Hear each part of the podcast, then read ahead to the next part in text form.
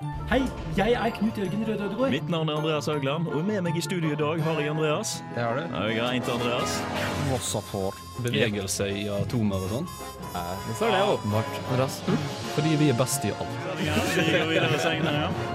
Faktisk. Faktisk, faktisk. Korallrevene. Ringkorallrev. Maur lever samtidig som dinosaurene. Det er egentlig kjedelig. Jeg er men I'm James Randy, and you're listening to Unillustrated Science. Science isn't about why, it's about why not. I denne ukas sending av Uillustrert vitenskap skal vi snakke om materialteknologi. Vi skal bl.a. fortelle litt om stål, kevlar og hva som egentlig finnes inni mobiltelefonen din. Hei sann, hopp sann. Dette er Andreas, og du hører på Uillustrert vitenskap. Med meg i dag har jeg Andreas Hei. og Martin. Hallo. Og en gjest. Ja, hallo. Martin. Ja, hei. Eh, Det er altså sånn at eh, Andreas Haugland sitter fast i en eh, container ute på Tiller, så han kunne altså ikke være med på sending i dag, og derfor er jeg programlederen deres. Men Martin, er det sånn at du har en liten fun fact for oss? Det stemmer. Jeg har med en liten fun fact om aluminium. Aluminium, ja. Visste du at da Washington-monumentet ble ferdigstilt i 1884, så ble det toppet med en 30 cm pyramide av rent aluminium? Det det? Ja, Rett og slett fordi aluminium ble ansett for å være et av verdens sjeldneste metaller på det tidspunktet. Det er jo ganske stas. Damn. Og så kom Norge med Norsk Hydro og bare slengte masse aluminium på markedet. Og da hele markedet. Ja. Det er, eh, ja. Der, USA var sikkert ikke så fornøyde med det. Men i dag skal vi altså snakke om uh, materialteknologi. da. Stemmer. Jeg hører at uh, du har, har noe på lager, Andreas. Er det riktig?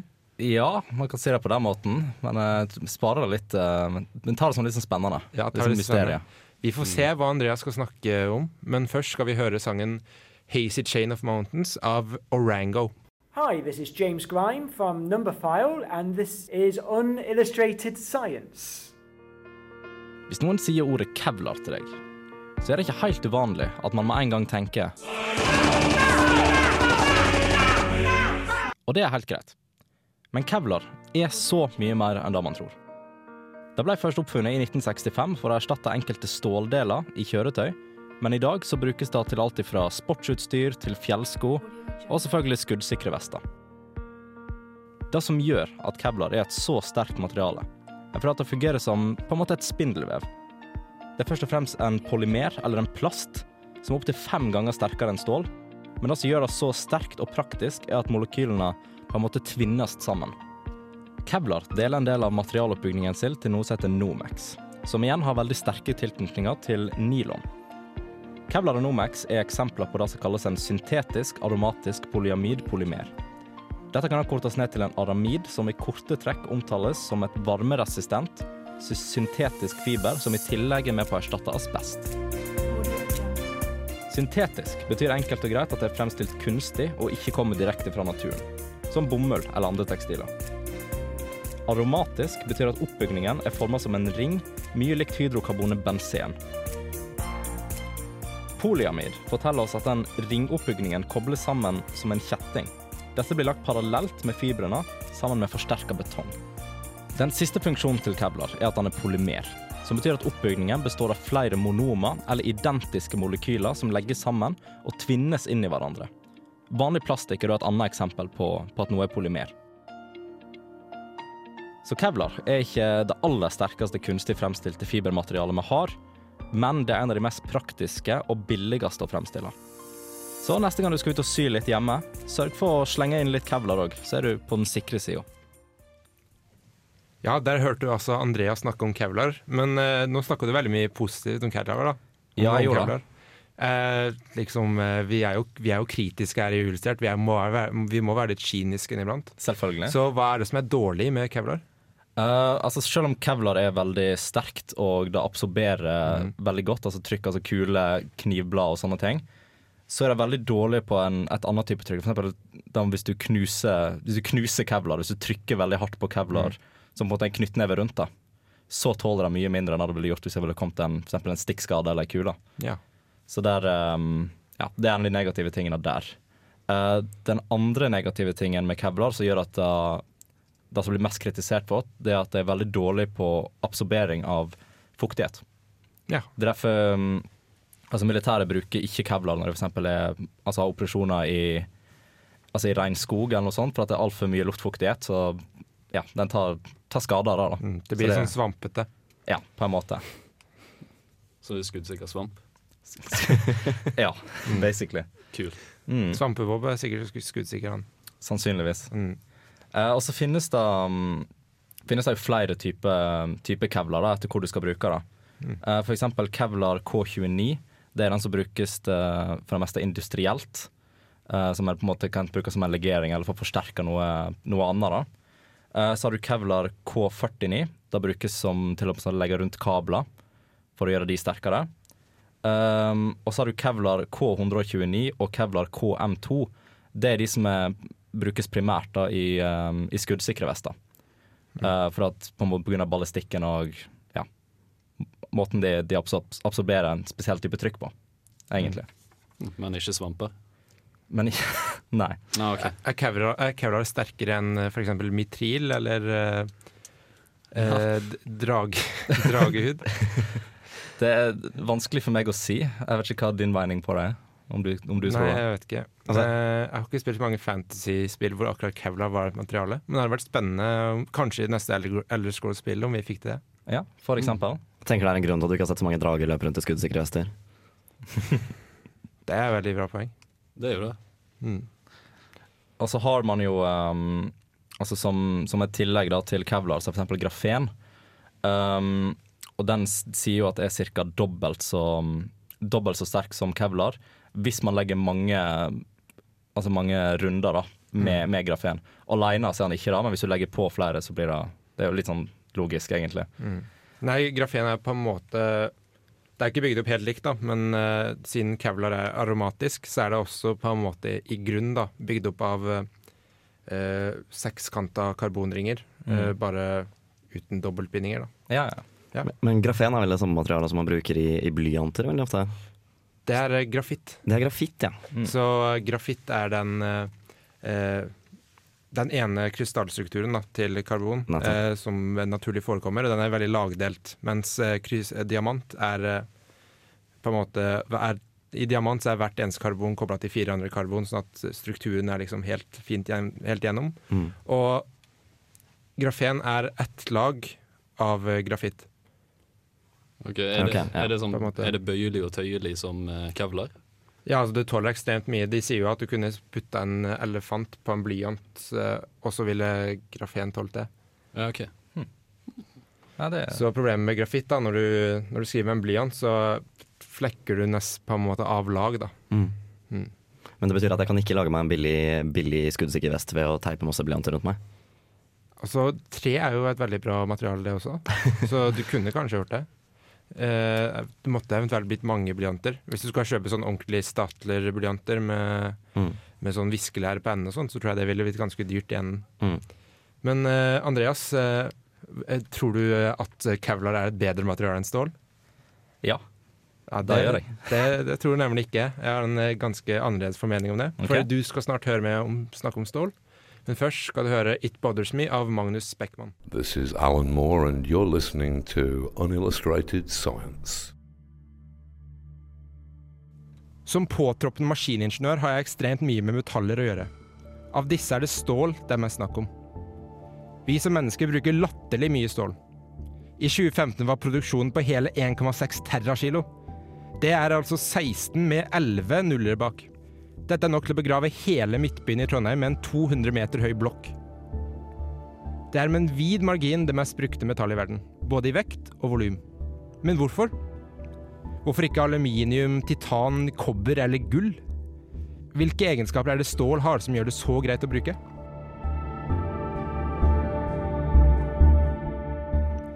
Først og fremst er det viktig å nevne at det finnes mange forskjellige typer stål. Ved å endre karboninnholdet eller lage såkalte legeringer der man setter inn en liten mengde av et annet metall, kan man drastisk endre egenskapene til stålet. Slik kan man sørge for at man får en type stål som passer til forskjellige formål. Man kan ha rustfri stål, syrefaste stål, stål som er mer bøyelig, eller stål som tåler høyere temperaturer.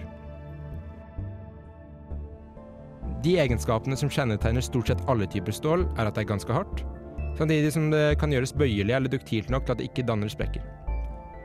Det tåler høye temperaturer, men det har heller ikke så høyt smeltepunkt at produksjonen blir for energikrevende. Stål er også billig. Vanlig karbonstål har en pris på 3-4 kroner per kilo, som er billigere enn de fleste andre metaller, og som gjør det til det ideelle valget der man trenger store mengder metall. Prisen varierer med typen stål. Kiloprisen for rustfri stål ligger f.eks. nærmere 20. Stål kan også resirkuleres mange ganger uten å miste styrken sin. Dette er positivt både med tanke på det økonomiske og det miljømessige aspektet.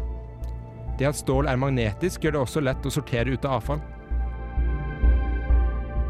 Men du spør kanskje Andreas, stål virker så fantastisk, men hvordan, hvordan lager jeg det? Vel, arkeologer har funnet stålvåpen så mye som 4000 år gamle. Med dette nye materialet slapp man problemer som sprø jernsverd som plutselig knuste i kamp, eller kobbersverd som var for dyre. Å lage stål er altså gammel kunnskap for mennesket. Først graver man opp jern. Men i naturen forekommer jern i mineraler med mange uønskede urenheter, stort sett som jernoksid. Dette puttes inn i en masovn der det ved høye temperatur reagerer med karbonmonoksid, slik at det dannes karbondioksid og råjern. Altså reagerer oksiden i jernoksid med karbonmonoksid, slik at karbonmonoksiden går fra CO til CO2, og jernoksiden går fra Fe2O3 til Fe, jern. Råjern er altfor sprøtt til å brukes til noe, men er en grei foreløper som lett kan transporteres og kan videreproduseres til mange forskjellige typer stål, eller støpejern om man så ønsker det. Prosessen videre avhenger selvfølgelig av hvilken type stål man ønsker. Men det involverer som regel først en prosess for å drive ut overflødige mengder av karbon, for så å behandle det med eventuelle legeringselementer en kan ønske. Stål er altså ikke like fancy som mange andre materialer. Det ser ikke noe spesielt kult ut, det er ikke den beste måten å lage en sykkelramme, og det kan ikke erstatte bestemoren din sin hofte. Men sett pris på stål også, fordi det er overalt, og mesteparten av ting du eier, kunne ikke eksistert uten stål. Der hørte vi altså med snakke om stål. Eh, er det noen av dere som har eh, noen spørsmål om dette fantastiske materialet? Jeg har et spørsmål. For jeg synes Det er jo et opplagt spørsmål som kommer når man skal snakke om, Mm. om stål og stålbjelker. Og det er jo can, can jet fuel melt steel beams? Ja, der har du også en del eh, konspirasjonsteoretikere etter eh, 11. september. De diskuterte om Nei, de, de kan ikke krasje sånn. Eh, jet fuel can't melt steel beams. Og så mente de at uh, George Bush altså hadde planta bomber på Tvingetårnet. Og selv om uh, uh, drivstoffet ikke kan smelte, smelte eh, stålbjelkene, Mm. så er det jo snakk om en egenskap som heter varmehardhet når du snakker om metaller. Så selv om det ikke smelter, så har metaller en viss va- varmehardhet, som er liksom det punktet der de slutter å være ja, like hardere og stabile som de vanligvis er. Så når du varmer opp jern til sånn, eh, vanlig karbonstål til sånn 400 grader, så begynner det å bli svakere. Og når man eh, snakker om metaller, snakker man ofte om liksom eh, arbeidstemperaturen, tror jeg det heter. Altså det er den temperaturen det på en måte tåler i praksis før ting begynner å bli ødelagt. da. Mm. Eh, Hva er det med forskjellige typer stål som gir de forskjellige typer egenskaper? Nei, det er jo eh, masse forskjellige ting som spiller inn der, da. Men det er jo stort sett hva, hvilke andre elementer du putter, du putter inn i stålet. Mm. Er- og så er det ofte en sånn balanseringsgreie, da. Hvor eh, når du putter inn ett eh, metall, så gjør det én egenskap bedre, mens du gjør en annen verre. Mm. Eh, og et ord jeg ønsker å introdusere før jeg begynner å snakke om dette, det er duktilitet. Eh, og det er på en måte hvor mye du kan bøye eller deformere et metall før det knekker. Ja. Okay. Men mitt, mitt spørsmål, da, siden jeg er jo en stor fan av Kevlar nå eh, Kan jetfuel smelte Kevlar? Sikkert. OK, godt svar. Eh, For at, altså, det er grunnen til jeg, jeg så litt på dette, hvorfor Kevlar ikke brukes som um, samme bygningsmateriale som stål. Eh, på grunn av akkurat da de snakker om måten de ikke absorberer skikkelig trykk fra f.eks. Mm. knusing, da, eller veldig mye vekt. Ja, det er veldig sprøtt, da. Mm. Det er jo nesten keramisk. Eller det er uh, Snakk om et karbid, nesten. Mm. Så hadde, liksom, hadde de løst det problemet, så hadde du kunnet brukt Kevlar istedenfor stål, siden det er fem ganger sterkere cirka. Ja, men uh, så er det også snakk om pris, da. Med. Eh, men eh, jeg tenkte jeg skulle gå gjennom eh, en del vanlige legeringselementer. Du har eh, selvfølgelig karbon. Det finnes i alt av stål. En fun fact er at eh, støpejern, som heter jern, har mer karbon i seg enn de fleste, det man kaller stål. da. Så stål er mer jern enn det støpejern er. Men eh, krom krom er den vanligste legeringsvariante, så å si, bortsett fra karbon. da. Og det forekommer vanligvis i 10,5% i sånn rustfritt stål. Eh, og det er fordi det hjelper veldig godt mot oksidering, da. Altså at det ikke ruster. Ja, Og så ser det nydelig ut på felgene. Ikke sant. Eh, nikkel eh, brukes også for å motvirke oksidering. Eh, så når man snakker om rustfritt stål, snakker man vanligvis om eh, krom og nikkel. Og nikkel øker også hardhet eh, Nei, ikke hardhet, øker styrke og duktilitet. Så har du kobber. Det gir syremotstand. Så kan du få syrefast stål. Eh, det er veldig greit når ikke stålet litt smelter, hvis det skal være i nærheten av syre. Ja. Eh, og det kobber gjør, som også gjør eh, f.eks. svovel gjør, det er at det gjør eh, metallet mykere, da, og da lettere å jobbe med. Og det er også en ting eh, som er veldig viktig, spesielt i denne faget jeg har på skolen nå, for eksempel, som heter produksjonsteknologi. Uh, og der snakker vi jo veldig mye om sånne her industriprosesser, da, Uh, hvordan du omformerer metaller og sånt. Ok. Og da er det jo, når du snakker om økonomisk, så er det jo ofte at eh, verktøyene og maskinene du bruker, de blir ødelagt. Og de blir jo lettere ødelagt jo hardere metallet er, stort sett. Så det er jo veldig sånn stort regnskap da, på prisen på metallet, prisen på produksjonen, hvor lang tid produksjonen tar, alt sammen. Så det er utrolig mye interessant å plukke i der. Eh, titan eh, gjør stål sterkere ved høye temperaturer. Eh, kobolt gjør det hardere. Eh, og så når vi først skal snakke om karbon, da. Det er at karbon gjør at stål hardere, og det øker styrken. Men eh, det senker duktiliteten, så det, re- reduserer i grunnen eh, hvor mye det tåler. Så dere, dere, dere er dere frelst på stål nå, gutter, eller?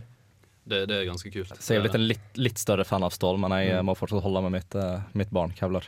Mm. yep. Jeg hater kevlar. Det er det verste. Oi, oi, oi. jeg ser i verden. Oi, oi, oi. Jeg vil ikke ha noe med kevlar å gjøre.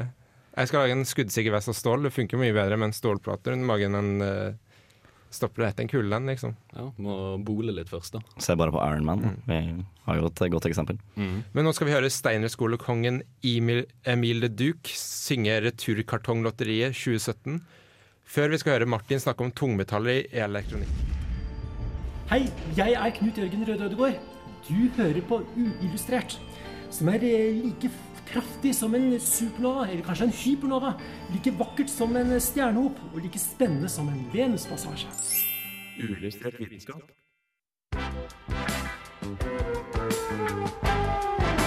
Hvis du nå sitter med mobilen og hører på meg snakke, så vil jeg at du skal ta fram mobilen og stirre litt intenst på den. Visste du at mobilen, eller smartphonen du nå stirrer på, kanskje inneholder både gull, sølv, platina, kobber og palladium?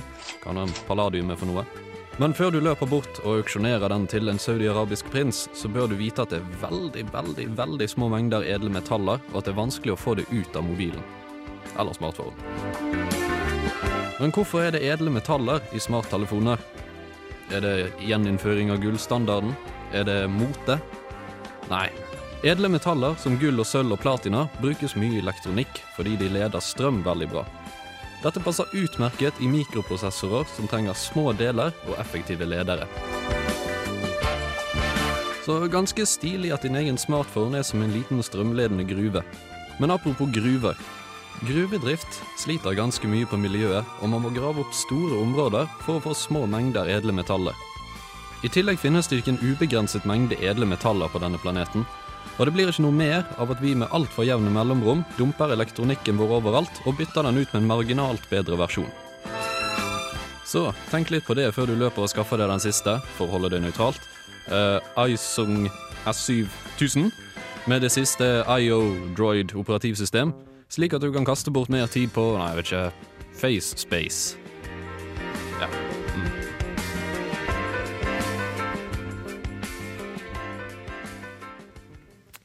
Ja, altså FaceSpace, er det det nye sosiale mediet? Er det en idé du har? Ja.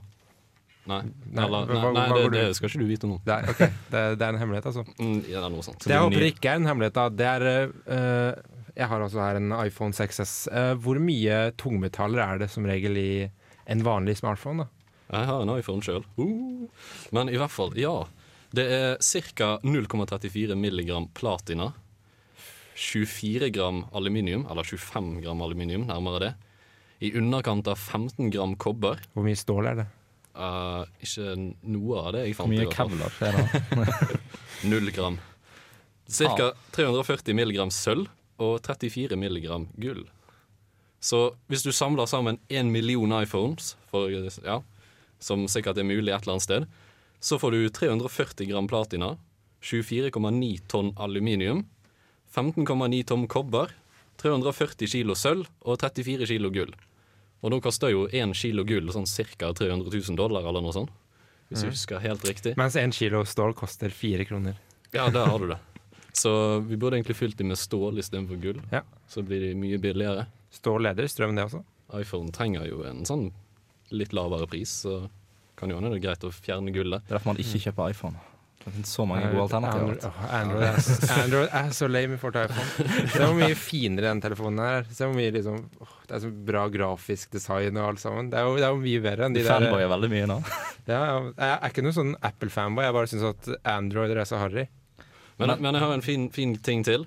Det er faktisk eh, mer skal vi si, edle metaller i en iPhone enn i tilsvarende mengde eh, malm. Ja, skal- Så ett tonn med gullmalm inneholder ca. 850 milligram gull. Så det er veldig lite. Men ett tonn med iPhoner det inneholder ca. 275 gram gull. Så 300 ganger mer. Så det handler egentlig bare om å finne seg en iPhone-gruve hvor man kan begynne å grave i seg? Ja. Ja, på en måte. På en måte. Søppeldynga, egentlig. Ja.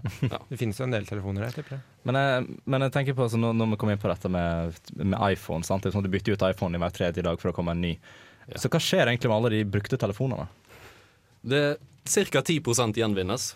Eh, resten blir solgt videre eller renovert, eller bare blir liggende eller dumpet et sted.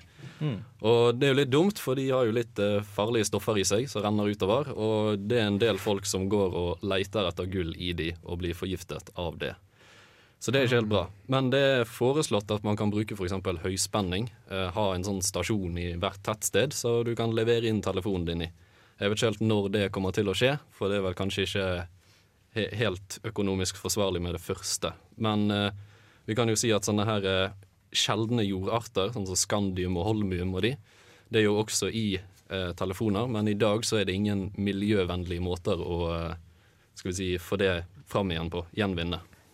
Du sa eh, høyspenningsstasjon. Hva har det med resirkulering av telefoner å gjøre? Man kan bruke høyspenning til å skille metallene fra, fra hverandre, rett og slett. Er Stilig. ganske tøft. Det, dere hørte eh, Knut Jørgen Rød Ødegaard si i stad at eh, dere hører på Uillustrert. Eh, jeg tror endelig jeg klarte å fortelle den mest traumatiske opplevelsen jeg har hatt i år. Jaha. Eh, på starten av semesteret så var jeg på Akademika på Gløshaugen. Eh, og så ser jeg, det er jo Knut Jørgen Rød Ødegaard, han var der for en eller annen boksignering eller noe sånt. Så går jeg opp til ham og sier hei mann, du er, du er barndomshelten min, kan jeg være så snill ta et bilde med deg? Så sier han «Ah, nei, jeg, jeg driver egentlig ikke på sånt, jeg. Det er ganske dramatisk. Ja, Rejected, ass. Mm. Og så sier han det på en boksignering. Altså Når du først har en boksignering, så er det jo ikke så jævlig mye lengre for å ta et bilde med noen. En fyr som sier at fy faen Nei, nå er ikke han, nå er ikke han barndomshelten min lenger. Da kan vi litt si det ganske trygt at uh, vi kommer ikke til å få han som gjest på Uillustrert med det Nei, første. og han kan drite i å komme. Det, det, er nesten, det er nesten like dramatisk som en ting til her. Det er i dag ca. to, milliard- to milliarder smartphone-brukere. Uh.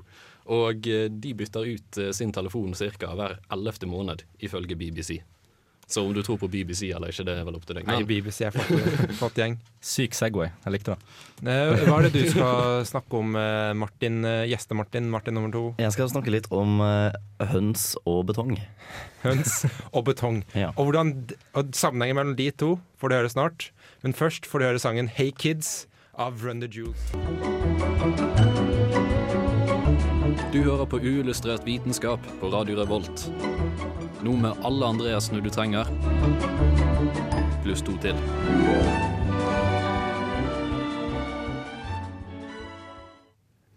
Ja ja, Martin. Nå er jeg veldig interessert i å høre den sammenhengen eh, du, du kokte opp der. Ja. Eh, ja, jeg skal altså snakke litt om hvordan høner brukes i betong, og hvordan høner også bidrar til at vi har en mer miljøvennlig betongindustri. Mm. for det var nylig en, eh, et, en sak med. Forbrukerinspektørene redder høna på NRK. Hvor det kom frem at, eh, at det brukes mye høner i norsk betongproduksjon. Rett og slett fordi det er ca. tre millioner norske verpehøner som mm. hvert år destrueres. De brukes ikke lenger til å legge egg.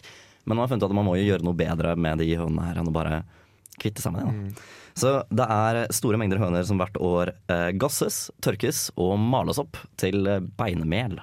Ah. For å være passe grotesk. Um, og det benemelet her brukes da som brensel i eh, produksjonen av sement. eh, og bindemiddel i sement. Så vi har funnet ut at det er jo en mye mer effektiv måte å bruke oppmalt benmel fra høner til å eh, brenne det her og, og få laget altså, som brennemiddel i sementen istedenfor å f.eks. bruke kull. Eh, og så er det sånn når det asken så er eh, ferdig, så kan man også bruke det i bindemiddelet i sementen. da. For det bidrar til å gjøre sementblandingen bedre.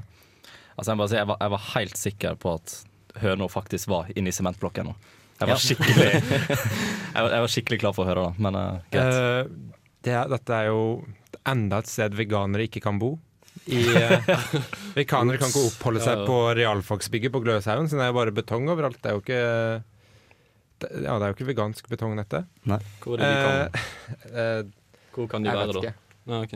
Eh, på Nesodden. Det var kanskje en eh, jordflekk utenfor uh, Gløshaugen de kan sitte på, eller noe sånt. Ja, det finner sikkert en jordflekk.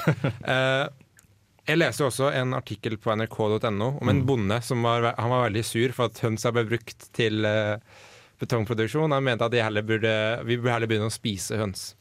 Men vi burde i hvert fall gjøre noe med de. Ja, absolutt. Altså, du kan jo ta en diskusjon på hvorvidt de kan egne seg til mat eller ikke. Um, jeg antar at det er noen som har kommet frem til, til nettopp det her. I, at, at det er like greit å bruke det som brensel. Eh, men det som fascinerer meg litt spesielt, er det at eh, altså, ikke, det brukes ikke bare høner, det brukes også dekk og tekstilrester og all annen avfall eh, som brensel i den produksjonen her. Men at den asken som kommer fra benemel, er visstnok også spesielt egnet som bindemiddel i konstruksjon.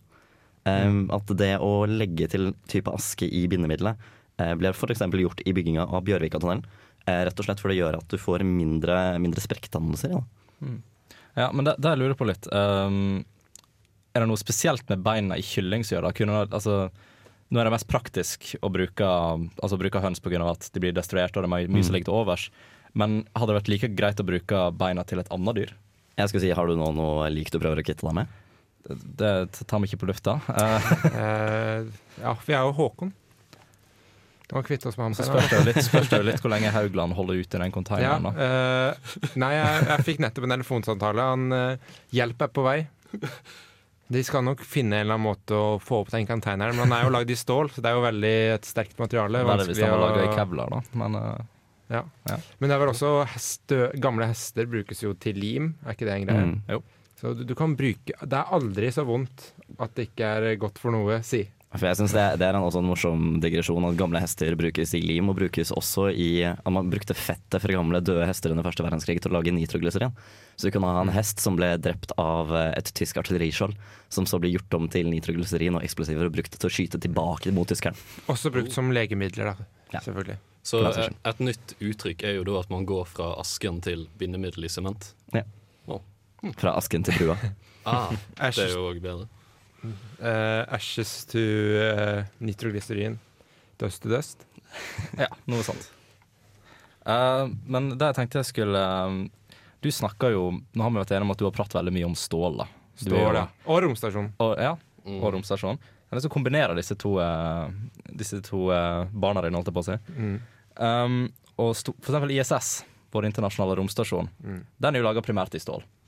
Um, Og, Eh,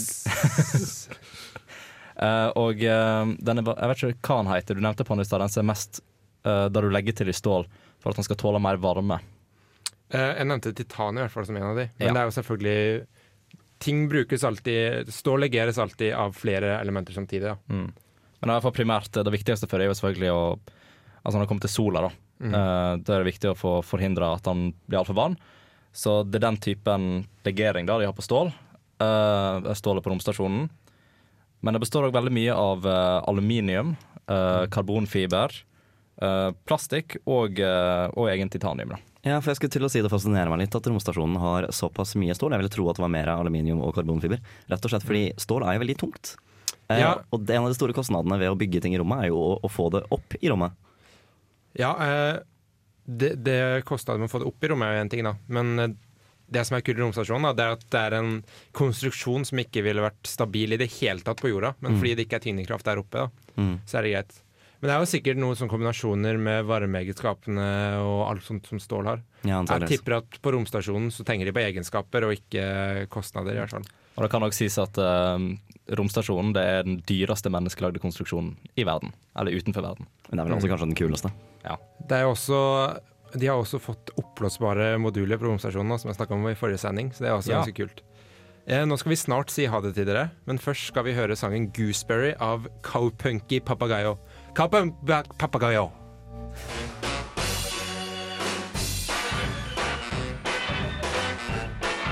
Hei, eh, jeg heter Petter Skjerven, og jeg lytter til Illustrert vitenskap på Radio Revolt så ofte jeg bare kan. Uillustrert. Veldig bra. Hei, jeg heter Petter Skjerven, og jeg lytter til Uillustrert vitenskap på Radio Revolt så ofte jeg bare kan.